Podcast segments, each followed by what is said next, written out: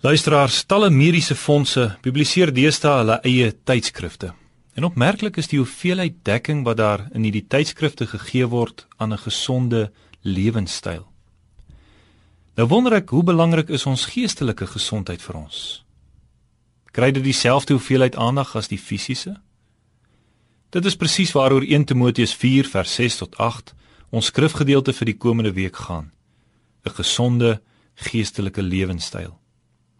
Vandag en môre let ons op vers 6. Voed jouself met die woorde van die geloof en van die goeie leer.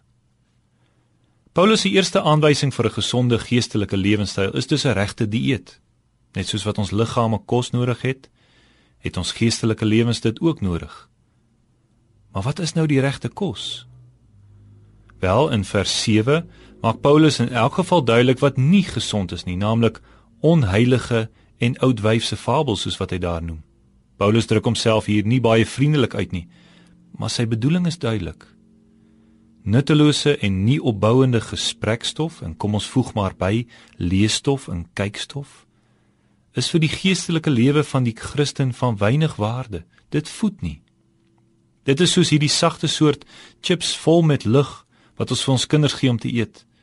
Jy kan baie daarvan eet, en dit gaan jou waarskynlik 'n sekere gevoel van versadiging gee. Maar die voedingswaarde daarvan is minimaal. En hoe meer jy hiervan eet, hoe meer het jy nodig om enigsins nog 'n gevoel van versadiging te kry. Die geestelike lewe kan dus nie met hierdie soort kos gevoed word nie. As jy dit jou stapelvoedsel maak, sal jy nie kan bly lewe nie. Kom ons kyk daarom waarmee ons onsself voed. Wat sit ons in ons geestelike maag? En ja, dit vra onderskeidingsvermoë om die regte kos te kies. Immers, daar is so baie kossoorte wat op die geestelike mark van hierdie wêreld aangebied word. Baie kossoorte in aantreklike verpakkings met treffende advertensies daarbey. Maar gaan ondersoek bietjie die fynskrif. Wat is die bestanddele? Wat is die persentasie ongesonde vette? Watter skadelike stowwe is in hierdie voedsel? Ondersoek op soortgelyke wyse die geestelike voedsel waarmee jy jouself voed. Vra jouself af watter voedingswaarde bevat die gesprekke wat ons voer.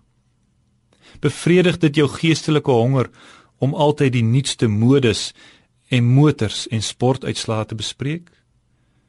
Help dit jou om jou geestelike honger te vul deur 'n hele aand voor die televisie deur te bring?